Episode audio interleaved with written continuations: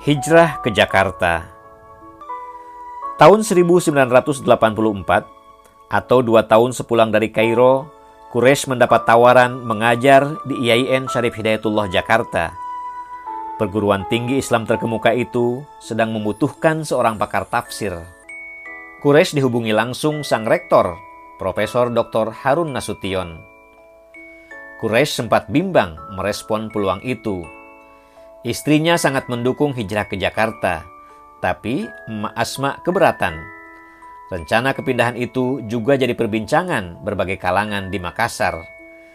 Tokoh terkemuka asal Sulawesi Selatan, Muhammad Yusuf Kala, meminta Quraisy bertahan di Alauddin. Pak Kala bahkan memberi jaminan, apa yang bisa saya dapatkan di Jakarta akan disediakan di Makassar, kata Quraisy. Tapi Quraisy akhirnya memilih Jakarta setelah berkali-kali sholat istikharah, hatinya mantap. Setelah ada lampu hijau dari Menteri Agama Alam Syah Ratu Prawira Negara, bulan April 1984, Quraisy dan keluarga menginjakkan kaki di Jakarta.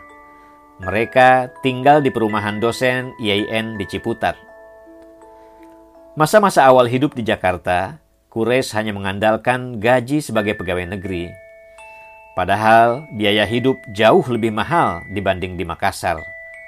Bersama istri, ia harus memutar otak agar gajinya cukup untuk menghidupi keluarga selama satu bulan. Untunglah, naluri bisnis Fatmawati belum padam. Ia bantu meringankan beban keluarga dengan berdagang batik. Barang dagangan dari Solo ia jual di Ciputat dan kalangan kerabat di Jakarta. Akhir 1985, Fatmawati kembali hamil. Setelah kelahiran Ahmad, Quraisy yakin anak kelimanya juga laki-laki. Ternyata Tuhan kembali memberi amanah anak perempuan yang lahir 30 Agustus 1986. Nahla, demikian Quraisy memberi nama anak bungsunya. Menurut Quraisy, Fatmawati bisa saja melahirkan lebih banyak anak, bahkan hingga 15 anak sebagaimana ibunya, Ummi Khadijah. Tapi Fatmawati menganggap lima anak sudah cukup. Toh dari mereka bisa lahir cucu dan cicit yang banyak.